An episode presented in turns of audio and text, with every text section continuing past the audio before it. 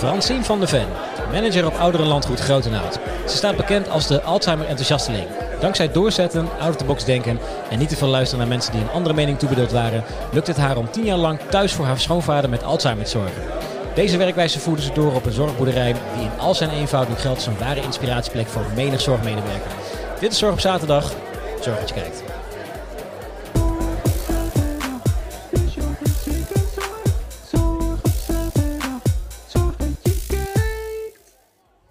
Francine, goedemiddag Ja, goedemiddag. en welkom.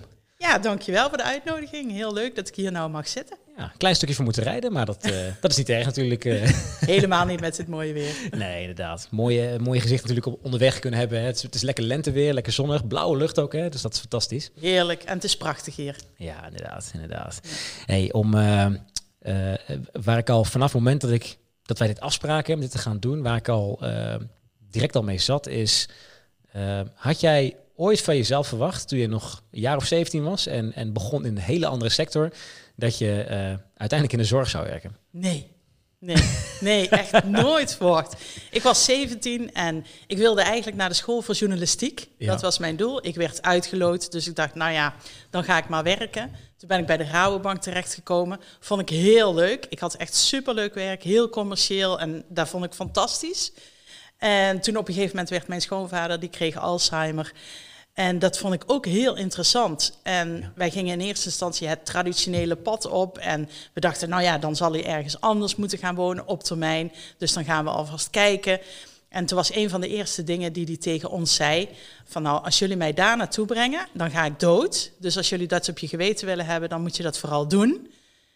Daar schrokken wij heel erg van. Zo, Ja, was, dat wel, was. was wel heel duidelijk in elk geval. Ja, nou, wel. hij was ook heel duidelijk. Ja. Maar dat zette me tegelijkertijd wel aan het denken. En eh, ik dacht, nou, als we het kunnen doen, dan, dan gaan we gewoon kijken of we hem thuis kunnen houden. En Ja. toen ben ik gewoon samen met mijn schoonzus voor hem gaan zorgen. En we hebben dat eigenlijk heel gewoon gedaan. Ja. Eh, Ik vond het wel heel interessant. Dus het boeide me wel meteen van wat gebeurt er nou in zijn hersenen. En toen ben ik er ook heel veel over gaan lezen. Om, hè, ik wilde er alles van weten.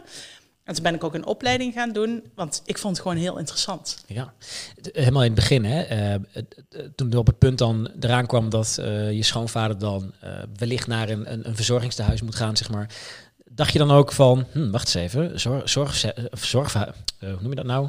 Eh, Verzorgingstehuizen, kom ja. mijn woorden, heel moeilijk woord. Ja, Ehm, daar hoor je natuurlijk heel veel over in, in, in, de Nederlandse maatschappij, zeg maar. Ook al best wel lang, dat, dat de situatie steeds anders werd. Ja, is misschien ook wel een beetje schrijnend af en toe.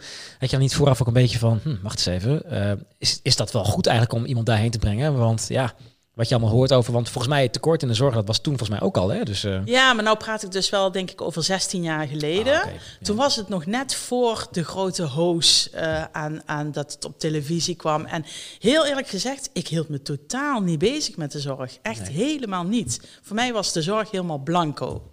Ja, ja, inderdaad. Ja. Ja, En, eh, en Alzheimer-enthousiasteling. ja. Hoe is dat zo gekomen? Ja, nou, ik wil als eerste zeggen dat is helemaal niet omdat ik eh, de ziekte leuk vind. Want laat ik vooropstellen, de ziekte Alzheimer, de ziekte van Alzheimer is een verschrikkelijke ziekte en Zeker. brengt heel veel ellende met zich mee. Maar wat ik wel heb geleerd in de afgelopen jaren is dat als wij ons anders kunnen opstellen, minder verwachtingen hebben, dan kan de persoon met dementie nog wel gewoon leven. Ja. En daar kan ik heel enthousiast van worden. Als wij de omstandigheden kunnen creëren die een persoon met dementie zich op zijn gemak stelt en zich ontspannen kan voelen, ja, dan is er gewoon leven mogelijk. Ja. En daar word ik enthousiast van. Dus echt een beetje de focus op meer de, de, de positieve kanten ervan. Ja. En, eh, en echt onderzoeken eh, hoe iemand nog normaal door zijn leven kan gaan. Eh, los van het feit dat iemand dan inderdaad de, de ziekte van Alzheimer heeft. Zeg maar. Ja, precies. Ja.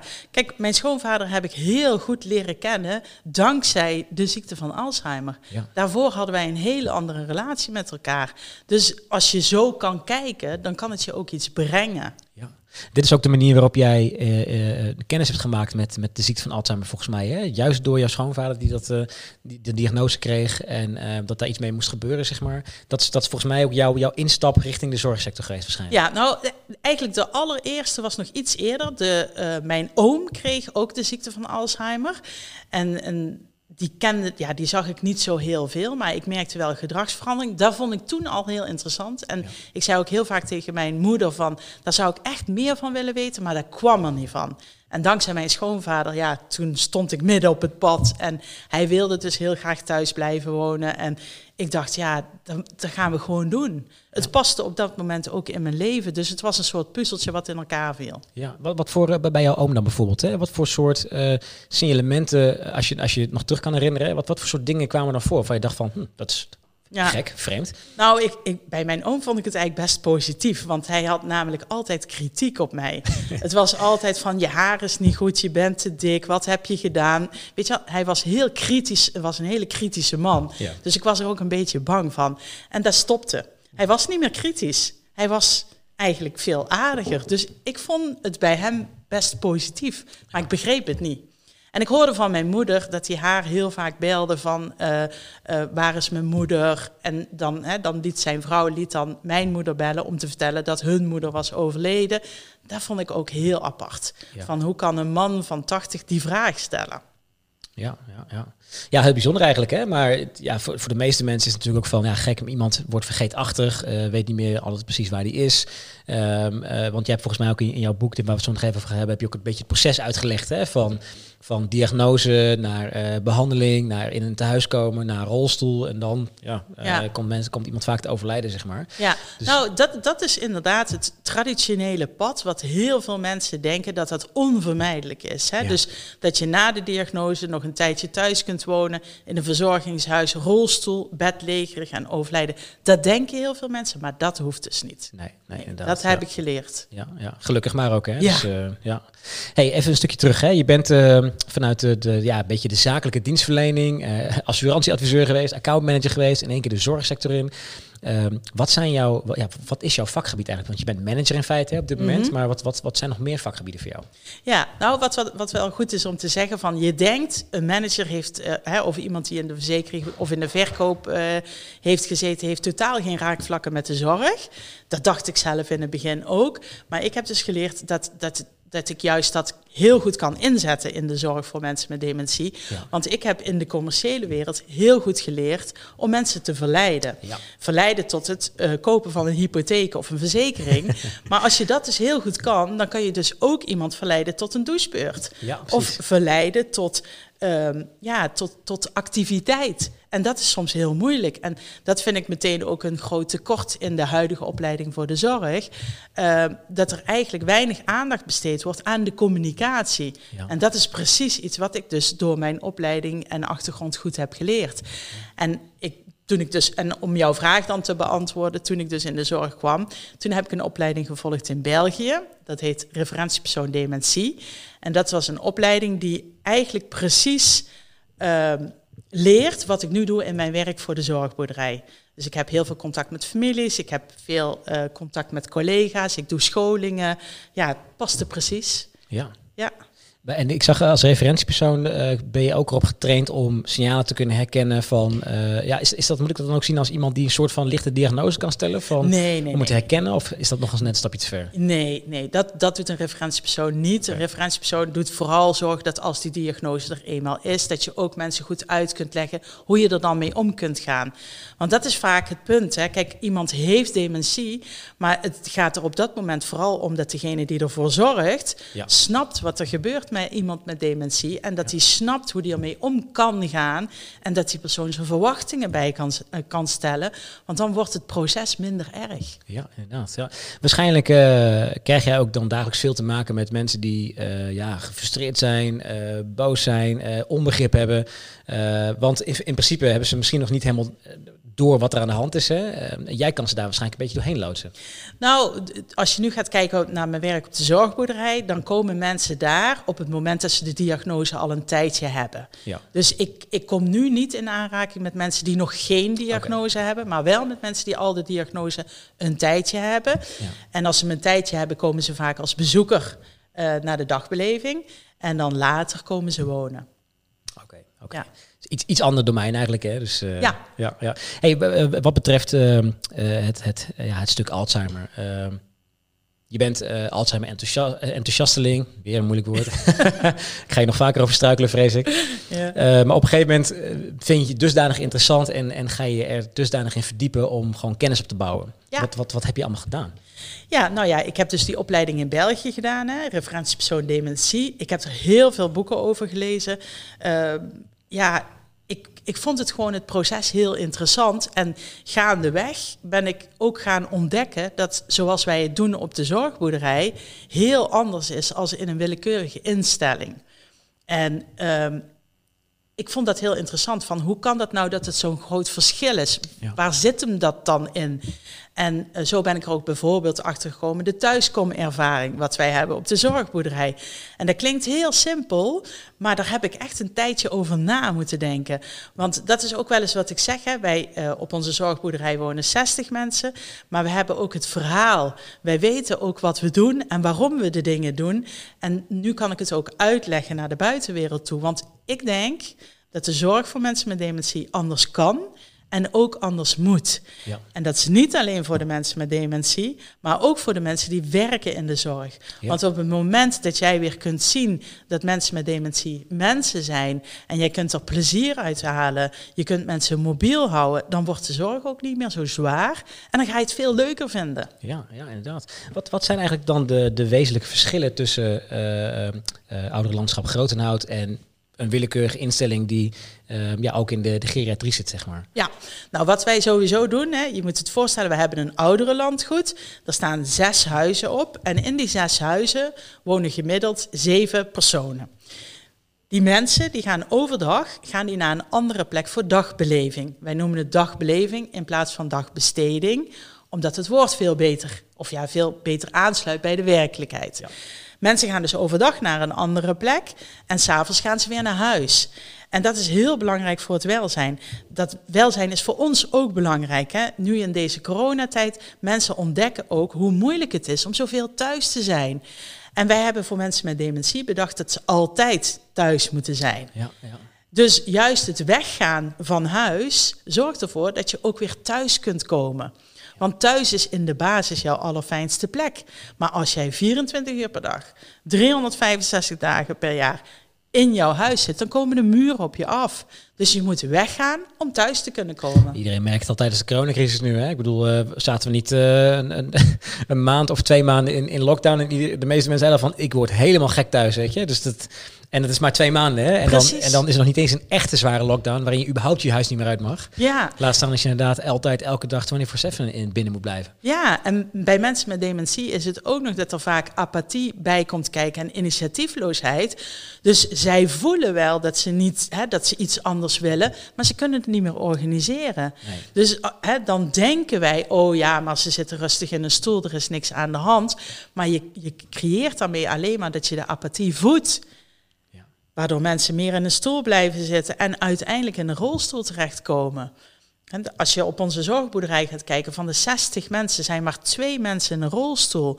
In een gemiddelde zorginstelling zit de helft in een rolstoel. Wauw, dat is wel echt een heel groot verschil. Uh.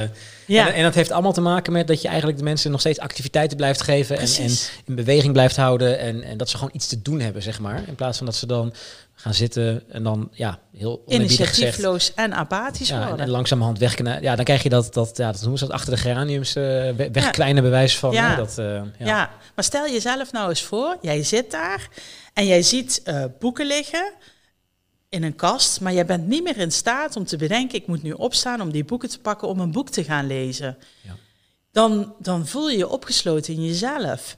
Dus dan ga je slapen. Daarom zeg ik ook altijd, en dat zou ik ook meteen een tip zijn aan iedereen, dat kan je overal veranderen. Zorg dat mensen met dementie niet achter een lege tafel zitten. Leg een paar boekjes open, dan gaan mensen iets doen.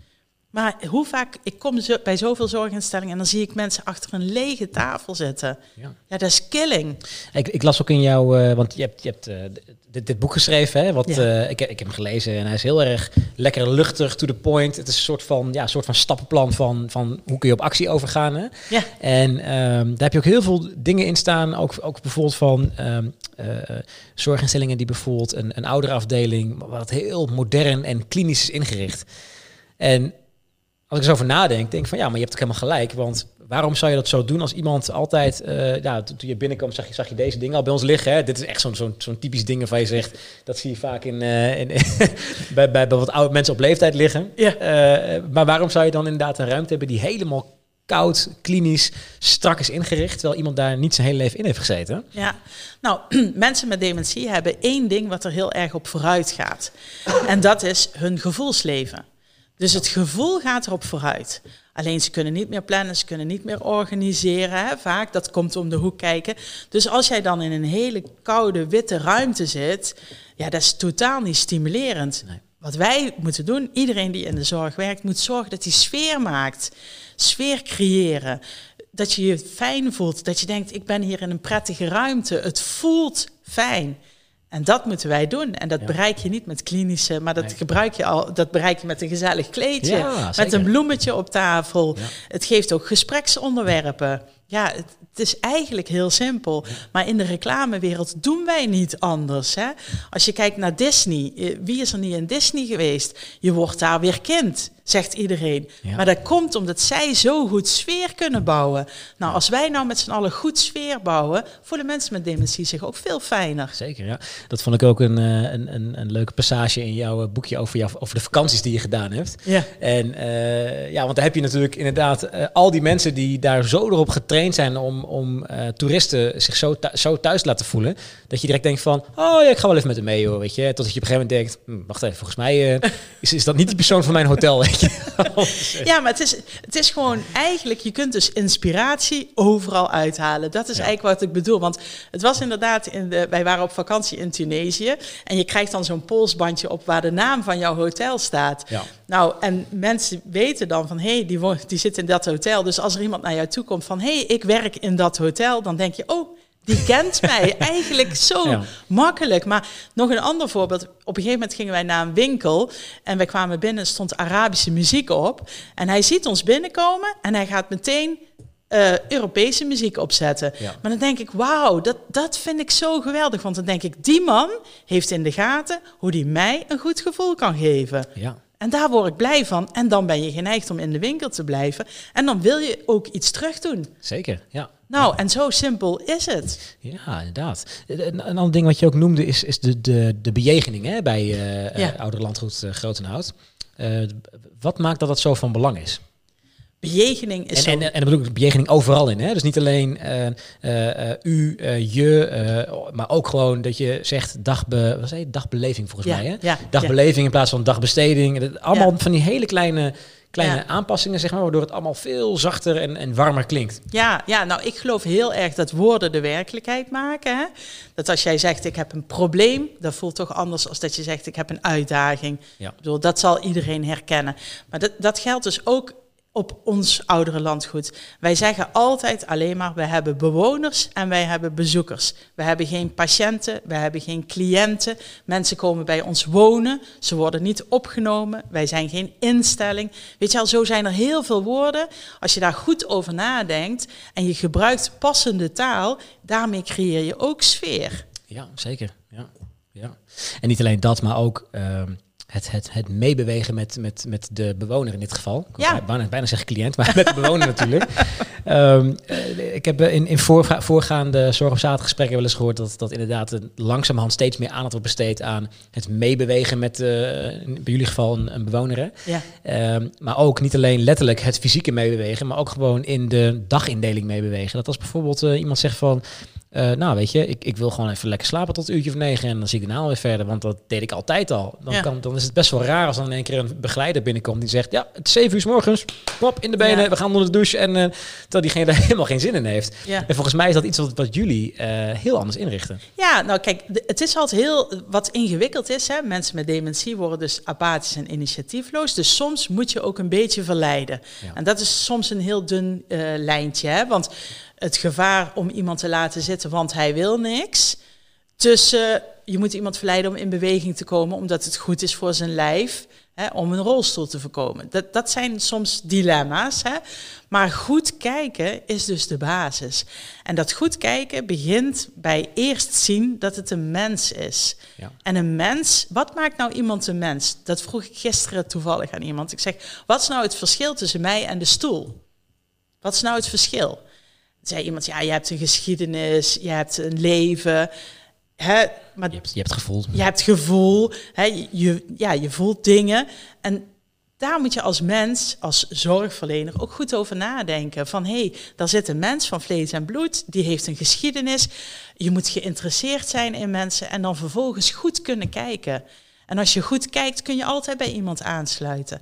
En het grote voordeel is ook nog, zeg ik altijd, als je goed kunt zorgen voor mensen met dementie, kun je goed zorgen voor iedereen. Kun je ook voor je vrienden goed zorgen, voor je kinderen, voor iedereen. Want je leert goed kijken. Ja, precies. E een van de dingen die jij uh, ook in je boek hebt staan, uh, vond het wel heel, hoe je het, heb je het, had je het heel mooi omschreven. Want je zei, um, mensen met dementie, hè, die, uh, wat ze hebben meegemaakt, dat is weg, maar het gevoel is nog wel. Ja denk van, ja, dat geeft best wel heel snel een, een, een, ja, een tweeledige gedachtegang. Dat ik, ik denk van, oh, dit, dat, dat helpt wel met het begrijpen ervan. Ja. Maar tegelijk denk ik ook van, poeh, ik krijg er bijna benauwd van. Want dat, is, dat, dat is wel heel chaotisch. Als je alleen maar gevoelens hebt en het nergens meer aan kan koppelen. Ja, ja het zeker. Ik, ik denk ook, maar er is nog weinig onderzoek aan gedaan, maar dat het gevoelsleven in een apart hokje in je hersenen zit. En ik heb het ook aan de lijve ondervonden. Dat is ook een leuk verhaal. Wij zijn uh, met een mevrouw, een bezoeker van onze dagbeleving, zijn we naar Parijs geweest. Zij had een grote wens. Zij wilde graag nog uh, haar man kussen onder de Eiffeltoren. Nou, dat hebben we gedaan. Was echt een fantastisch weekend. Was geweldig. Was heel leuk. En uh, wij stonden in Parijs en ze wisten eigenlijk al niet meer dat ze in Parijs was. Weet je wel, zo snel gaat dat dan. Ja. En toen kwam ze op maandag kwam ze weer op de dagbeleving. En toen ging ik naar haar toe en toen vroeg ik aan haar van... Uh, hoe was jouw weekend geweest? Nou, dat zou ik normaal nooit vragen aan iemand met dementie, want hè, dan stel je iemand op de proef. Maar ik dacht, nu vind ik het interessant. Ik ga eens kijken wat er gebeurt. Dus ik vroeg aan haar, hoe was jouw weekend in Parijs? Of hoe was jouw weekend? En toen zei ze, ja, dat weet ik eigenlijk niet meer, maar het was geweldig. Het was, het was fantastisch. En toen zei ik, maar wat heb je dan gedaan? Dat weet ik niet, maar het was fantastisch. En toen dacht ik, wauw, dit is nou zo'n bewijs, en dat heb ik gelukkig gefilmd, dat haar gevoelsleven dus echt nog wel in staat is om iets terug te halen, maar ik kan het niet meer koppelen aan, het, aan de gebeurtenis. Ja, dus je kreeg echt gewoon letterlijk de gevoelsreflectie van het weekend van haar eigenlijk. Ja, was dus, echt, uh... echt het, filmpje staat ook op onze website, het is echt fantastisch. Ja, dat is wel gaaf. Ja. Ja, ja, ja. maar als we dat ons ook helemaal goed realiseren, dan weet je ook dat mensen heel vaak jou niet meer herkennen, maar wel weten welk gevoel jij ze hebt gegeven. Dat is ook belangrijk. Hè? Als er dus een familielid, soms zeggen mensen ook wel eens van ja, maar ze herkennen mij toch niet meer, dus waarom zou ik komen?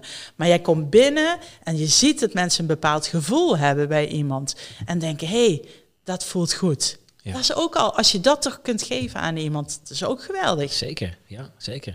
Hey, even terug naar jouw schoonvader, schoonvader Herman. Ja. Uh, voor jou was, want jij bent er uiteindelijk voor hem gaan zorgen. Hè? Dat was waarschijnlijk gewoon uh, mantelzorg voor hem. Hè? Ja. Uh, voor jou is dat ook de eerste keer dat je voor iemand zorgt die uh, aan Alzheimer lijdt. Ja.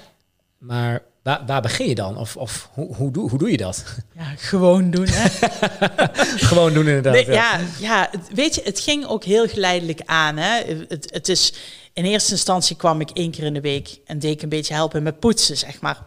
In het, en nou ja, dat deed ik eigenlijk nog voor de diagnose. Op een gegeven moment kwam de diagnose en toen deed ik, oh, nou moeten we toch wel wat vaker komen. We zagen ook dat hij niet meer uh, minder kookte, uh, wel veel brood at en heel veel brood kocht ook. Hè. Dus gaandeweg zagen we dat er steeds meer begeleiding nodig was.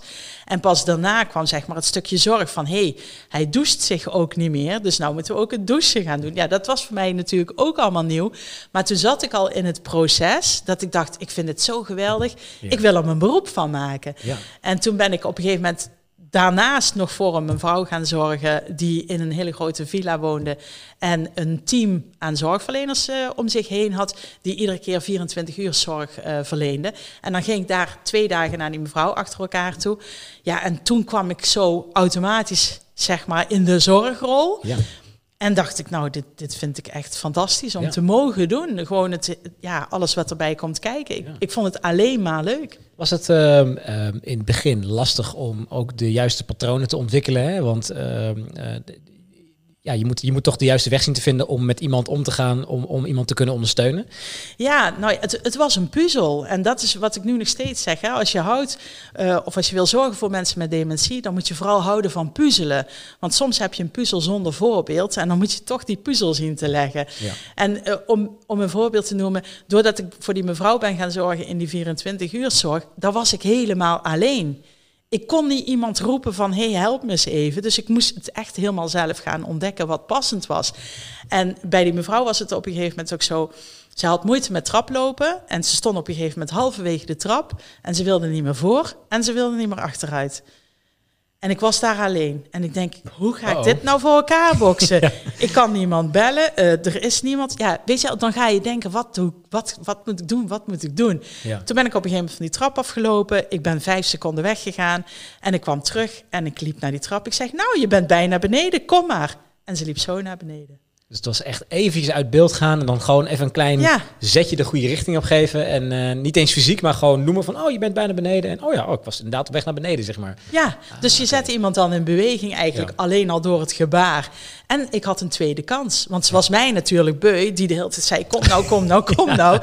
En doordat ik weg was, was ik weer even nieuw en kon ik met nieuwe energie daaraan beginnen. Ja. En daar heb ik zoveel van geleerd door het gewone te doen hè, en, en niet het traditionele pad waarbij iemand mij aan de hand hield en zegt, als dit gebeurt moet je dat doen en als dat gebeurt moet dat doen. Ik heb het allemaal zelf ontdekt. Ja, inderdaad. Dus je hebt eigenlijk eh, zowel bij je schoonvader als bij die dame waar je eh, de, de ondersteuning was, eh, ja, eigenlijk twee keer een puzzel moeten leggen zonder voorbeeld. Het moeten ontdekken wat goed werkte. Ja, Kijken wat de persoon prettig vindt en wat vooral niet in dit geval. ja. En, en eigenlijk meebewegen. Hè? En, en, eh, nou, dan, en dan heb je in één keer een aantal dingen waarvan je denkt, wacht eens even, dit werkt wel heel goed. Ja. En ja, en dan? Want dan ga je natuurlijk, eh, denk je van, oké, dit moet ik uitdragen. Hier moet ik, hier moet ik meer mee, zeg maar. Ja, ja, nou toen kwam ik in aanraking met het boek Wat Als, met een Z, van Casper Bormans.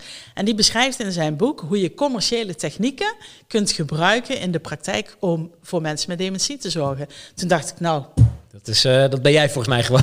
Precies wat ik altijd doe. En toen Ja. dacht ik, ja, dit, dit, dit moet ik gewoon meer gaan verspreiden. En zo ben ik ook eh, ja, meer lezingen gaan geven. Ook wel naar aanleiding van mijn boek. Hè, dat mensen zeiden van, nou, dat is wel interessant. Kom er eens wat meer over vertellen. Ja. En ook vanuit mijn, mijn missie eigenlijk. Dat ik echt het leven voor mensen met dementie wil verbeteren. Omdat ik geloof dat het kan.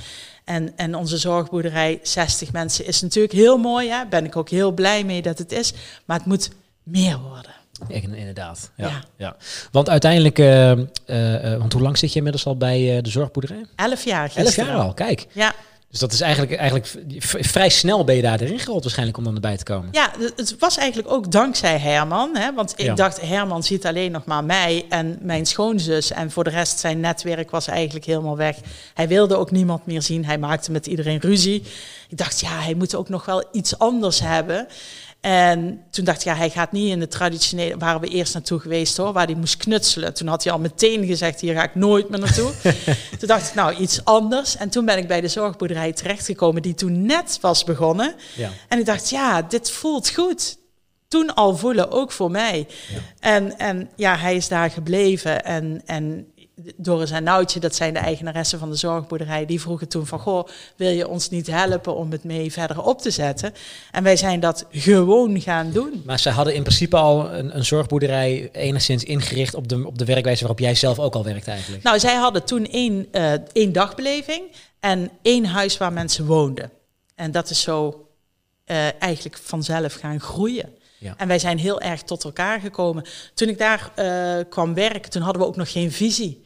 Weet die visie hebben we een jaar later ontwikkeld. Door samen met elkaar erover te praten. Hè, van hoe zien wij die zorg nou en hoe willen we het verder in gaan steken. En ik denk wat ons ook heel erg heeft geholpen in het begin, dat er ook veel mensen werkten die totaal niet uit de zorg kwamen. Ik denk ook wel, ja. Want, want wat, je, wat je vaak hoort, hè, iedereen die wordt, krijgt een zorgopleiding. Je wordt echt ja, bijna, of bijna van gedrild om in een bepaald keurslijf terecht te komen. Ja. Om dan bij een grote instelling of bij een wat kleinere instelling te werken. Waarin je ja, een beetje overgeleverd wordt aan de gevestigde orde. Precies. En, uh, en, en, en voor veel mensen, want dat, dat meen ik ook in jouw boek gelezen te hebben, dat, dat een van de interviews volgens mij die tussendoor zit, dat ze ook zei van ja, weet je, het, altijd waar ik gezeten heb, voelde altijd een beetje, het voelde niet goed. Ja. Tot ze dan bij uh, de zorgboerderij terechtkwamen. Dan was denk ik van, hé, hey, wacht eens even. Ja. Het kan dus wel zo, zeg maar. Ja, ja, nou ja, ik denk met alle respect hè, voor, voor mensen die al, al Tuurlijk, tuurlijk. 40 jaar in de Zeker. zorg werkt, werken. Er zijn heel veel dingen veranderd. Inmiddels nieuwe inzichten. Maar ja, het, heeft, het vergt ook wel iets van jezelf om daaraan toe te geven. Hè. Ik, ja, ik spreek heel veel mensen uit de zorg en ik hoor ook vaak mensen zeggen van, ja, eh, wij hebben het altijd zo gedaan en het kan niet anders. Onze mensen zijn anders als jullie mensen. Hè, onze bewoners zijn anders als jullie bewoners. Ja, ik geloof dat echt niet. Ik denk dat wat wij doen overal kan, maar je moet ook openstaan voor de verandering. Zeker. En ik zie ook op de zorgboerderij, er werken nu uh, bij ons 110 mensen een deel die uit de zorg komt, een deel die niet uit de zorg komt. En het bestuift elkaar heel mooi. Ja. He, want mensen uit de zorg kunnen heel goed steunkousen en, en we hebben heel veel tips en trucs die heel goed kunnen helpen. Maar mensen die niet uit de zorg komen, die hebben wel veel meer de gewone blik. En die kunnen ook veel beter eigenlijk uh, de mens ja, zichzelf laten zijn. Ja. En, en, en het minder overnemen. Ja. En Waarschijnlijk ben jij ook zo iemand die dan, als je dat zinnetje hoort van ja, we, doen het zo, omdat we het gewoon altijd zo doen. Dus het kan niet anders. Ja. Dat is, dat is waarschijnlijk ook bij, bij jouw nekharen van overeind gaan staan. Ja, ja, ik vind het heel jammer. Want weet je wat het is? Hè? Uh, tegelijkertijd, als je kijkt naar de zorgboerderij, we hebben nog nooit een advertentie hoeven zetten voor personeel. Dat zegt al genoeg. Dat mensen komen vanzelf bij ons. Ja. Maar mensen die bij ons komen, die zeggen allemaal: ik kan mijn collega's niet veranderen. Ik loop tegen muren aan. Ik vind dat wij geen goede zorg verlenen. Ik vind uh, dat wij de mens niet meer zien. Dat zijn allemaal mensen die het anders willen doen, maar die, vind, die, ja, die voelen zich niet gehoord. Nee. En ik weet zeker dat er heel veel in de zorg kan veranderen Oh, als iedereen maar ook daarvoor wil gaan. Ja, ja want hoe, hoe groter de organisatie, uh, uh, hoe, ingewikkelder het vaak ligt. Hè? En ook hoe moeilijker het wordt om bepaalde veranderingen door te brengen die misschien van bottoms up moeten gaan. En, en, dan is het alleen maar mooi dat het bij jullie alvast al werkend is en dat het ook zichtbaar is. Hè? Want, want jullie krijgen regelmatig mensen de vloer, geloof ik. Hè? Ja, heel vaak. Ja. ja, in de coronatijd is het een beetje minder geweest. Hè? Want toen ging het gewoon niet. Maar ja. van tevoren ook, wij krijgen heel veel groepen over de vloer. Ook heel veel instellingen komen bij ons uh, kijken. En dat juichen wij ook toe. Doen we ook gratis, vragen we geen geld voor. Wij willen juist mensen inspireren om het anders te doen. Hè? Maar ik, ik denk, ja, het moet op alle lagen gedragen worden. Ja. En mensen moeten het ook geloven dat het kan. Want, en ik zeg ook altijd van begin klein. Want die thuiskomervaring, hè, dat, dat is iets heel simpels, maar dat kan ook in een grote instelling met vier afdelingen. Die kunnen ook zeggen van laat ons eens goed kijken naar de bewoners. Laat ons eens goed kijken wie bij elkaar past. Laat ons overdag eens wat mensen mengen met elkaar, dat ze elkaar op een ander niveau ontmoeten. En dan s'avonds komen ze weer thuis op hun eigen afdeling. Ja. Dat kan ook. Ja, inderdaad. Je zei net corona, inderdaad. Uh, wat hebben jullie daarvan gemerkt? Want je hebt een, in feite een, een, een oudere zorginstelling eigenlijk, hè, in de vorm van een zorgboerderij. In Brabant, hè? in, in Brabant ook nog, wat, waar de grootste brandhaarden zaten, zeg maar. Is dat, Ja. Hebben jullie daar veel van gemerkt? Op Ja. de... We hebben twee keer eh, behoorlijk corona in huis gehad. Oei. Ja, ja.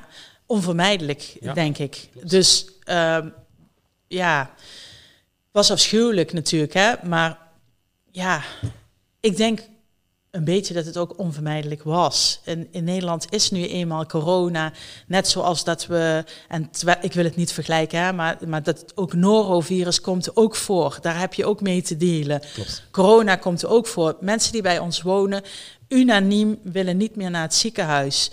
En wij, heel veel mensen hebben bij ons corona gehad. Ook heel veel mensen hebben het gewoon overleefd. Ja. Dus niet iedereen is eraan overleden. Maar we hebben wel mensen gehad die overleden zijn. Ja. En vervolgens een paar maanden niemand die overlijdt. Terwijl, ja, als je heel simpel gaat kijken, 60 bewoners, gemiddeld leven mensen nog negen maanden in een verzorgingshuis. Gemiddeld, hè? Dan zou je dus iedere maand sowieso overlijdens moeten hebben. ja, klopt. We hebben het laatst uitgerekend, want ik was er heel nieuwsgierig naar. Maar bij ons wonen mensen gemiddeld twee jaar. Kijk, dat was, terwijl je het zei, dacht ik ook van, maar wacht even, je zei net ook een heel ander gemiddelde bij jullie. Ja. Dus hoeveel zou het dan bij jullie zijn? Maar dat Ja, is eh, ja. aanzienlijk langer. Ja, twee jaar. Terwijl Twee ze jaar. toch eh, op een moment worden opgenomen. Hè, als je dan op, bij ons komen wonen, moet ik natuurlijk zeggen. Eh, dat ze ook naar een andere zorginstelling hadden kunnen gaan. Het is niet zo dat ze bij ons eerder komen wonen. Nee. Nee. Hey, in het begin van de coronacrisis dat het ook bij jullie binnenkwam, wat, hoe, kwam het op jullie af? Want eh, het is onbekend, het is nieuw, eh, het is ongrijpbaar, het is ontastbaar. Heel Nederland, gaat, de hele wereld gaat in lockdown. Ja. Hadden jullie wel een idee van, eh, oké, hoe gaan we het aanvliegen? Hoe gaan we, hoe, waar beginnen we eigenlijk? Hè? Ja, ja, we hebben wel meteen heel goed over nagedacht. Ook met de familieraad. We hebben een familieraad erbij betrokken, collega's bij betrokken. En eigenlijk ook al heel snel gezegd, wij zijn een thuissituatie. Ja. Dat willen we ook heel graag zo houden. Dus we hebben er ook voor gekozen om zonder mondkapjes te werken.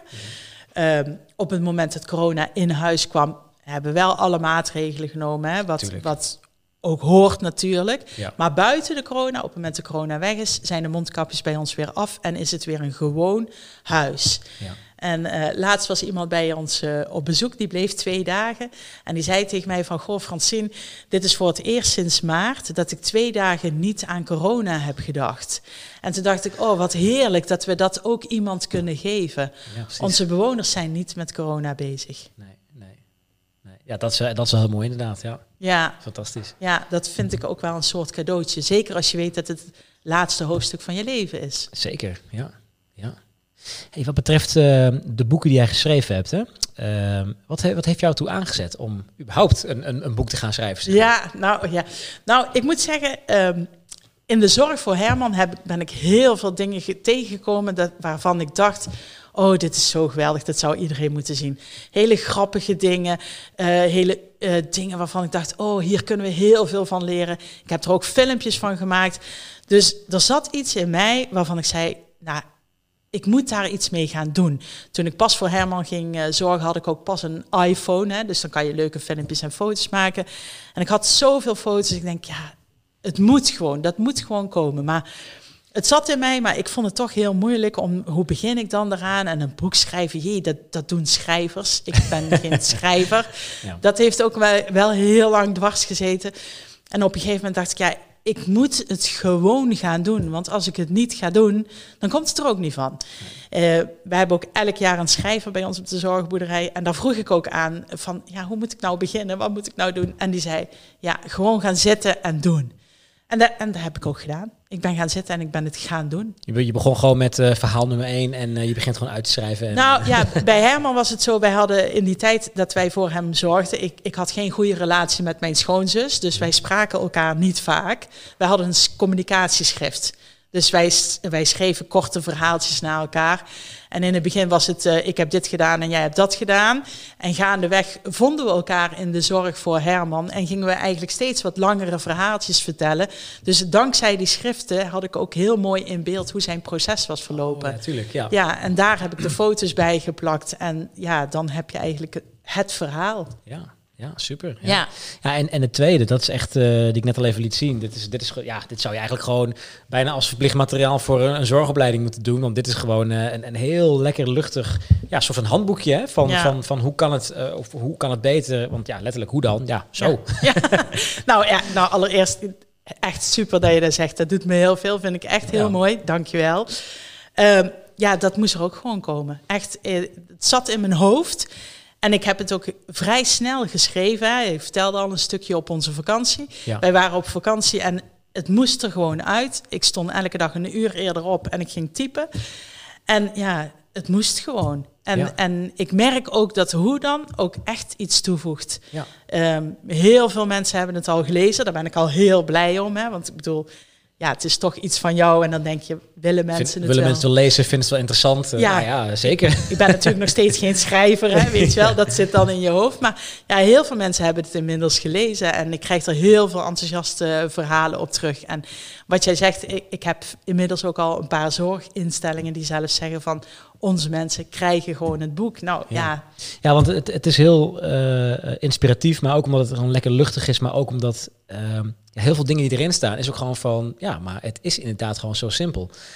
Het is heel simpel. En dat stuit me soms ook wel eens tegen de borst. Hè? Want uh, mensen lopen uh, rond bij het ouderenlandgoed en zeggen ze... oh, dit is echt bijzonder. En dan zeg ik, nee, dit is echt niet bijzonder. Wij zijn gewoon. Maar het is gewoon eigenlijk heel gek dat we dat, dat, we dat bijzonder zijn gaan vinden. Ja. Maar het is heel gewoon. Nee. En heel veel dingen, als je goed nadenkt... Ja, net wat je zegt, het is heel simpel wat erin staat. Ja. Maar het, je mindset moet even omgezet ja. worden. Wat zou je...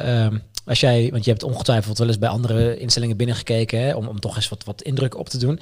Wat zou je van, van, van andere instellingen zeggen van, ja, maar waar zit het dan in dat ze niet dit soort dingen doen of niet zo'n veranderingsslag maken? Ja, oh, dat heeft echt heel veel kanten. En dat maakt het denk ik ook zo complex. Het is echt een ingewikkelde uh, puzzel. De cultuur, de sfeer, het gevoel, het management die niet communiceert met, de met, met, met alle lagen. En zeker, er is totaal geen gelijkwaardigheid. He, jij bent de helpende, jij bent de verzorgende, ik ben de manager. Als je bij ons kijkt, of je nou manager bent of, of verzorger, weten we niet eens van elkaar. Bij ons werken mensen die weten niet of, je, of, of die nou een helpende is of een IG'er. Iedereen is gelijk. Ja. Dat zou bij een zorginstelling ook moeten kunnen gelijkwaardigheid, maar dat ontbreekt er vaak al. Uh, ja, de, de, de, opleiding, waarvan ik zeg, er zit gewoon niks over communicatie in, is echt een gemiste kans. Ja, en denk ik de ruimte krijgen om het gewoon te doen. Ja. Veel te veel protocollen, veel te veel lijstjes. Ja, ik ben op een zorginstelling geweest waar iemand met echt een superleuk persoon. Echt zo dat ik dacht, nou, jij bent echt een aardige, aardig iemand die goed voor de mensen is. Maar wat doet die persoon? Hij loopt op een gegeven moment naar de keuken en hij kijkt en hij zegt, oh, drie uur fruit. Pakt fruit, begint het te snijden en deelt het uit zonder iets te vragen. Ja. En dan ben ik daar heel verbaasd om. Dan denk ik, ja, Zie je niet dat het mensen zijn? Misschien wil die wel helemaal geen banaan of een appel. We vragen het niet. Dat, dat is ook een van die dingen die... Ja, ik, ik refereer iedere keer naar het boekje, want ik, ik herken iedere keer weer dingen als je het vertellen bent. Uh, dat een van de mensen die jij ook geïnterviewd hebt erin, die ook zegt van ja, vroeger uh, ging ik gewoon broodjes smeren. En nu, nu vraag ik het even van ja, wil je dit eigenlijk wel? Of, of lust je dit wel, weet je wel? Ja. Hebben die hele simpele dingen van je denkt, ja, maar gek dat het eigenlijk nu niet gewoon gedaan wordt. Ja, ja, of op een deur kloppen voordat je naar binnen gaat. Of dat inderdaad, ja. Ja, dat, dat, dat, dat raak je kwijt omdat je in een bepaalde cultuur zit... Ja. waar lijstjeswerken de maat is. En waarvan je, waar, waarbij je misschien nog wel op je kop krijgt als je het lijstje niet hebt gevolgd. Ja, want volgens mij bij jullie, uh, meen ik ook te lezen, was maar vijf minuten aan het einde van de dag of zo, even snel iets bijvullen en gewoon weer aandacht voor de persoon in plaats van dat je alleen maar met... Uh, rapporteren. Natuurlijk, je moet wel in, in, op een bepaalde mate rapporteren en het is wel belangrijk, hè, zodat mensen weten wat, wat er speelt, maar uh, ja, het kan kort en krachtig. Het hoeft niet... Ja. Ja. Het hoeft geen boekwerk te worden, zeg maar. Nee, zeker niet. Nee, weet je, mensen zijn bij ons voor hun laatste hoofdstuk. Daar hoeven we geen tien doelen meer aan te hangen. Dus het doel is voor iedereen gelijk zoveel mogelijk geluksmomenten. Dat is de insteek. en heel af en toe heb je iemand met een wondje of met misschien onbegrepen gedrag. Dat komt bij ons ook voor. Dan maken we daar een zorgplan van en dan moet je inderdaad daarop rapporteren. Maar die zorgplannen op 60 bewoners zijn bij ons echt niet zoveel. En verder, buiten dat, buiten die paar zorgplannen, rapporteer je alleen als er iets te rapporteren valt. af en toe een geluksmoment is ook leuk. Als iemand heel erg gelach heeft, mag je ook rapporteren. Je hoeft niet alleen zorgdingen te. Het is, het is toch juist uh, ook goed om uh, de geluksmomenten te, te, rapporteren, want dat ook even zichtbaar is van, oh, het gaat goed en het is ja. leuk. En ja. in plaats dat je alleen maar slecht nieuws krijgt. Ja, hè, van... Alleen maar uh, de ontlasting zat in de weg. Ja. Of, hè, ja. Ook, want vaak zie je ook bij onbegrepen gedrag, als je dat echt gaat meten, dan is dat maar een paar procent van de tijd. En wij rapporteren allemaal die vijf of tien procent, terwijl die andere procent komen niet in beeld. He, als iemand een hele leuke dag op de dagbeleving heeft en de laatste tien of laatste half uur zegt hij: Ik wil naar huis, ik wil naar huis, ik wil naar huis. Dan is de kans vrij groot dat je dan opschrijft van Jan wilde naar huis. Ja. Terwijl hij eigenlijk een hartstikke leuke dag heeft gehad. Ja, inderdaad. Ja. Maar dat is ook weer weten wat belangrijk is. Wij denken vaak dat we het negatieve moeten rapporteren. Ja, ja want ik moet zeggen. Uh... Uh, het, het, het oudere zorg, veel van gelezen, veel van meegekregen, veel uh, van gezien.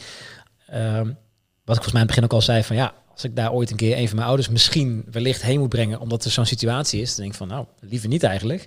Maar als ik dan dit lees, dan denk ik van, ah, Het kan dus Het, wel. het kan dus wel. En er is wel een, een plek waar het eventueel gewoon kan, waar iemand gewoon oprecht goed behandeld wordt en waar meebewogen wordt en waar die, die persoon gewoon nog mens kan zijn. Hè? In plaats Ja. van dat het gewoon is van je bent afgevlakt, je gaat in een hoekje zitten, eh, je komt in een rolstoel en eh, enkele maanden later is het afgelopen, zeg maar. Dat, eh, Ja. ja. Ja, nou daar wil ik wel aan toevoegen dat het bij ons natuurlijk geen paradijs is en Nee, dat nee, nee. alles goed gaat. Nee, dat wil ik echt Tuurlijk, nog wel tuurlijk, even gezegd. ook, ook dingen niet goed gaan. En het is soms ook hartstikke moeilijk en soms coachen we ook niet. En weet je wel, er gaan ook dingen fout. Hè? Het is Tuurlijk, echt geen, eh, dat wil ik gezegd hebben. Maar buiten dat komt het echt vaak voor dat er zorginstellingen bij ons komen kijken, bijvoorbeeld met een team.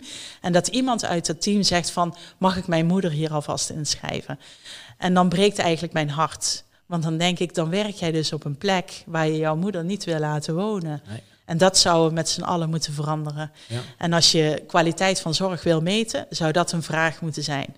Ja. Wil je je eigen vader of moeder laten wonen op de plek waar je werkt? En als dat niet is, moet je iets veranderen. een gekke, gekke tweeledig eh, iets eigenlijk. Hè? Je krijgt een, een, iets wat een heel groot compliment is. En tegelijkertijd ook van, oh ja, Ja, nou ja, ik vind dat heel treurig, want er is gewoon werk aan de winkel. Want Ja. weet je, de ouderenzorg is hartstikke leuk. Zorg voor mensen met dementie. Ja, ik kan niks leuks bedenken. ja. Maar als je er ook de uitdaging van in kan zien en, en ook mensen weer het plezier terug kunt geven. Want dat is, het is een wisselwerking. Hè? Als, als mensen minder apathisch en initiatiefloos zijn en ze leven gewoon, dan krijg je er ook veel meer van terug. Ja. En dan, dan zie je ook de geluksmomenten.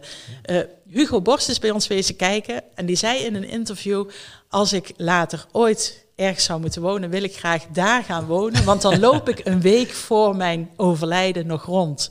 kijk. En dan denk ik, ja, zo zou het overal moeten zijn. Ja. Ja, wat je trouwens allemaal vertelt over de eenvoud en het gemak en eh, gewoon doen en gewoon anders. ehm, het doet me heel erg denken aan, eh, aan, aan Janneke Rijtsema. Eh, sorry, Jannie Rijtsema. Ja. En die, eh, daar ben je op de heenweg nog even langs geweest, volgens mij. ja, vanmorgen weer eens kijken. Ja, het was hartstikke leuk. Even, Ja. even een kijkje kunnen nemen. Want, want jullie zijn, eh, ja, natuurlijk zullen- zullen ongetwijfeld nog meer mensen zijn die op eenzelfde manier a- eh, eh, bezig zijn. Hè? Maar van wat ik tot nu toe gezien heb, zijn jullie allebei een beetje een soort van pionier in dingen gewoon anders doen en gewoon doen omdat het gewoon kan. In plaats van oh, Ja. moeilijk, zwaar, protocollen, lukt allemaal niet. Ja, ja, ja, ja, het is geweldig. Ik hou ervan ook. En dat zou ik ook tegen iedereen zeggen. Van, ga op zijn tijd eens gewoon ook kijken bij iemand anders in de keuken. Want het inspireert mij ook weer. Ik leer ook elke dag nog bij. Je bent nooit uitgeleerd. En ja, zij heeft een fantastische plek. Echt ook heel mooi om te zien. De vier elementen. Ik De zal het nog even noemen. Ja, precies, heel belangrijk. Ja, ja, ja. Ja, ja, super. Het is echt eh, mooi en interessant om te horen, hè, dit soort dingen. Dus Ja. eh, heel Ja. bijzonder, ja. Maar vooral ook het allerbelangrijkste eigenlijk, hè, dat eh, de mensen die dan jullie bewoners zijn, dat ze gewoon ja, nog mens kunnen zijn, goed behandeld worden. En eigenlijk wat Hugo Borst ook zegt, ja, als ik daar zit, dan eh, een, een, een week voor mijn overlijden, dan loop ik nog gewoon rond. Ja. In plaats van dat het een hele nare situatie wordt. Ja, maar dat gun je ook iedereen. Hè? De persoon met dementie, maar ook de familie. Hoe fijn is het als je ouders op een plek zitten waar je ook met plezier naartoe kan gaan? Hè, want bij hun blijft het gevoel ook hangen. Ja, inderdaad. Ja. Even anders wat. Hè. Jij bent ook heel erg bezig met die. ehm, ja, moet, je, moet je me even helpen met wat, welke wet dat ook weer is? Ja, de wet zorg en dwang. Zorg en dwang inderdaad. Ja. Ja. Te- tegen het, het opsluiten van mensen met dementie. Want je, je zei, vertelde net vooraf ook wel heel kort even dat ehm, eh, ja, mensen met dementie ook wel eens gewoon opgesloten worden in een, in een gesloten inrichting. Hè? Dat je eigenlijk Ja. denkt van ja, dat is niet helemaal de, dat, dat zou niet moeten in principe. Nee, nee, nou ja, goed. Kijk, je hebt eh, de wet zorg en dwang die bepaalt dat mensen niet achter gesloten deuren mogen komen. Zomaar. Dan moet een reden zijn. Sterker nog, in Duitsland bestaat gesloten deuren niet eens. Dat is eigenlijk wel interessant. Hè? Dat zou iedereen moeten weten. In Duitsland bestaat een gesloten afdeling niet. Zoveel mensen zeggen tegen mij, ja, het moet. Mensen met dementie moet je beschermen voor zichzelf. Wat wij zien, hè, wij zijn ook een open setting, mensen blijven bij ons omdat ze het fijn vinden. Ze zijn vrij om te gaan en daarom kiezen ze om te blijven. Mensen met dementie willen weg als de deur op slot is. Als jij op een plek bent, als hier alle deuren dicht zijn en jij zegt tegen mij, je mag er niet uit, ja, dan zit ik hier ook niet op mijn gemak. En dat geldt ook voor mensen met dementie. En tuurlijk, er zullen mensen zijn die gevaarlijke dingen doen. Hè. Misschien kunnen we het nooit helemaal uitsluiten, hè. dat weet ik niet. Maar ik weet wel dat we veel minder mensen achter gesloten deuren hoeven te hebben als wat nu in Nederland gebeurt. En ik vind het ook heel erg dat de wet er is en dat we er eigenlijk toch nog gewoon aan voorbij gaan. Ja. Ik was laatst bij een zorginstelling en die zei: Wij weten dat de wet zorg en dwanger is. Wij weten dat we het eigenlijk niet mogen. Maar zolang onze bewoners niet klagen en geen aanstalten maken om naar buiten te gaan, doen wij niks. Zo, En dat vind ik niet kunnen. nee. Nee. Ja. Ja, daar worden we gewoon stil Ja, van. ja, hè? ik, denk inderdaad, het is eh, mind blown inderdaad. eh. Ja, ik vind het ook heel erg dat wij niet in Nederland massaal zeggen dat we dit niet meer willen. ja. Maar er zijn nog zoveel mensen die geloven dat het niet anders kan. En, en ja, dat vind ik heel jammer. Ik, heb, ik ben een lijst aan het bijhouden hoeveel eh, instellingen er zijn met open deurenbeleid. Dat zijn er inmiddels al 155. Ah, Oké, dus het gaat wel redelijk eh, de goede kant op. Dat gaat goed, eh, dat gaat goed. En, en ik hoop dat dat ook wel mensen inspireert. Dat het niet alleen bij ons is. Er zijn 155 instellingen met open deuren. Dus de andere 700 kunnen ook open. Inderdaad, ja. ja, want in, in principe, eh, ja, iemand zal best een keer weglopen. Ja. Eh, maar ja, in, in hoe, hoe vaak van de gevallen is het een dusdanig ernstige situatie dat je dan inderdaad moet zeggen, nou weet je wat, sluit iedereen gewoon op. Ja, ik denk wij moeten er in Nederland aan wennen. Hè?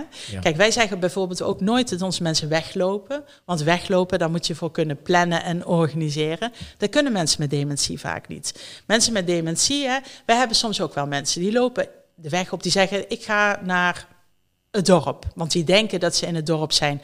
En dan lopen ze een weggetje en dan zeggen ze, dorp is wel heel erg veranderd. En dan lopen ze weer terug. Dat is een hele relaxte manier om mensen weer terug te brengen. Ja. Hè? En mensen, tuurlijk, we hebben ook wel mensen gehad die steeds dachten van ja, ik, ik ga gewoon weg. En dan hadden ze een GPS en dan gingen we kijken hoe ze liepen. En dan eh, ja, zagen we dat mensen met dementie normaal gesproken gewoon wachten voor een rood stoplicht. Mensen met dementie weten in het huur, hier en nu best nog wel wat ze doen. Ze gaan ook niet hun hand in een kachel steken. Nee. Dat, dat weten ze wel. Dus een rood stoplicht wordt vaak ook nog wel herkend.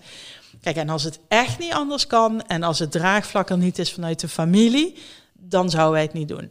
Hè, maar je gaat met elkaar in gesprek en je probeert het gewoon te maken dat het werkt. En wij zullen er in Nederland met z'n allen aan moeten wennen dat er af en toe misschien iemand tegenkomt op straat die, de, die eigenlijk niet weet waar hij naartoe moet.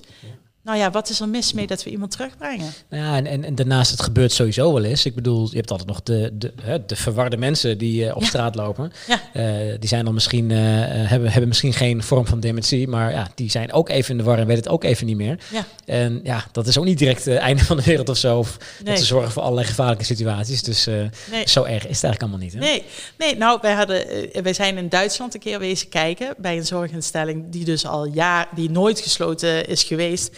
En die hadden een eh, bewoner, die stapte elke dag in de trein. Oh, En die ging helemaal naar even, Keulen. even een en ritje maken, zeg maar. Twee, drie uur zat hij gewoon in de trein. En dat was best wel een dingetje, maar dat hebben ze gewoon laten gebeuren. Ja. Nou, en dan denk ik, ja, dat, dat zou hier ondenkbaar zijn. Zie je het al in de krant staan? Ja, joh, eh, eh, het, eh, wordt, het eh, wordt gezien als einde van de wereld inderdaad. Het, zou, Ja. inderdaad, het richt allemaal geen schade aan eigenlijk. Hè? Iemand Nee. gaat gewoon in de trein zitten, maakt een ritje en Ja, kwam die dan ook zelf weer terug? Of moest ja werd even- teruggebracht. Oh, oké. Maar dan denk ik, ja, weet je, wij, wij, wij zijn veel te. eh, we hebben mensen met dementie in een bepaalde groep gezet. Ja. Ik zeg ook wel eens als ik een lezing geef, op het moment dat ik hier op straat loop en ik doe iets verkeerds en ik heb een ongeluk, dan gaan we ook niet zeggen alle Francine moeten voortaan opgesloten worden. Nee. Maar dat hebben we met mensen met dementie wel gedaan. We hebben eigenlijk ze als een hele grote groep beschouwd. En gezegd, voor mensen met dementie geldt dit. Terwijl als je individueel gaat kijken, zijn er hele grote verschillen. Ja, ja, inderdaad. Ja.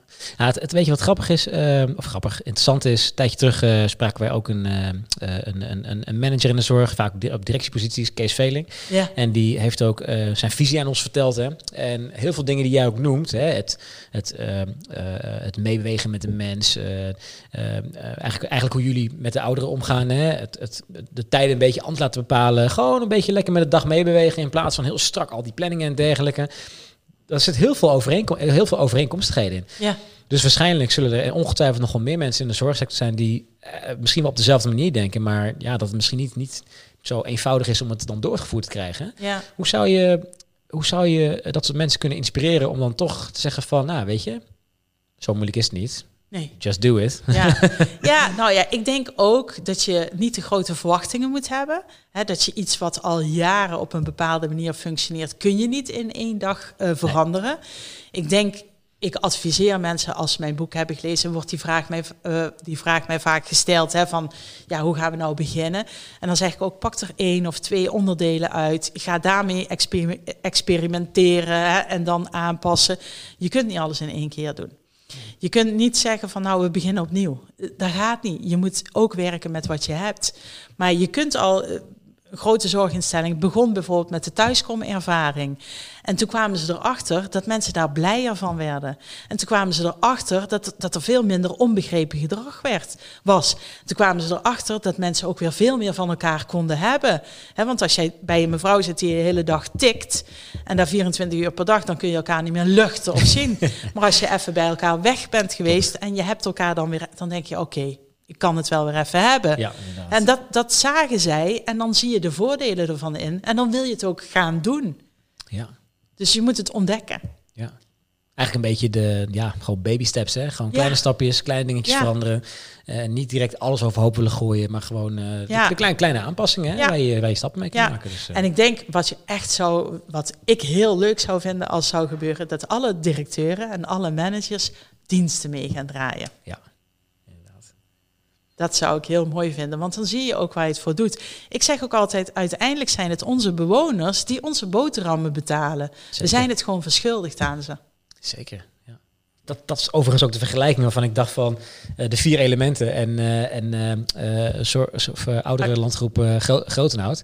Het, hetzelfde inderdaad, van niemand weet wie directeur, manager, team, whatever is. Iedereen heeft gewoon dezelfde rol. Je, je werkt met de mensen, het is lekker luchtig, het is heel simpel. Uh, dat, dat, dat dacht ik net van. Dat is echt een, een overeenkomstigheid, zeg maar. Ja, ja, ja gewoon de gelijkwaardigheid. Ja, maar, maar wat je zegt, dat, ja, inderdaad. Hè, het is, uh, ga eens gewoon eens op de, op de vloer meedraaien. En dan kun je zien wat er gebeurt. En, en zien uh, hoe de mensen met elkaar omgaan. En zien wat effect heeft. Ja. En vooral wat het positieve effect heeft. Hè, om mensen een, een, goede ervaring te geven. Ja, en een personeelstekort is ook meteen opgelost. En dat inderdaad, ja. Het is nog een bijkomend voordeel. Ja, precies. Ja, ja, ja. inderdaad. ja, het zijn echt bijzondere dingen inderdaad bijzondere dingen. Het is echt een, uh, ja, een, een, een, ja, hele frisse blik eigenlijk op, uh, op de ouderenzorg. Ja. Hele frisse blik. Ja, nou, en het kan overal. Ja. Gewoon doen. Gewoon doen, inderdaad. ja. ja. Francine, ik vond het een, uh, een heel interessant gesprek met je. Ja, ik vond het leuk. Zeker. Nou, ik, ik, ik ook zeker. de verhalen die je deelt, echt fantastisch. En ook de, de inzichten die je hebt, echt fantastisch. Dus, uh, dus ja, ik, ik hoop dat mensen dit uh, ja, voor een deel gaan overnemen natuurlijk. En, uh, en mee gaan nemen in hun dagelijkse werkzaamheden. Ja. En ja, weet je, ik zou ook echt aanraden... hoe dan? Gewoon doen. ik zou het gewoon eens gaan lezen. Ja. En, ja. en ook jouw motto, hè? Want je zegt altijd van... het is niet ik, het is niet jij... Maar wij. Wij, inderdaad. dus, dat is het. Heel erg bedankt. Helemaal goed. Volgende zaterdag een nieuwe Zorg op zaterdag. Zorg dat je kijkt.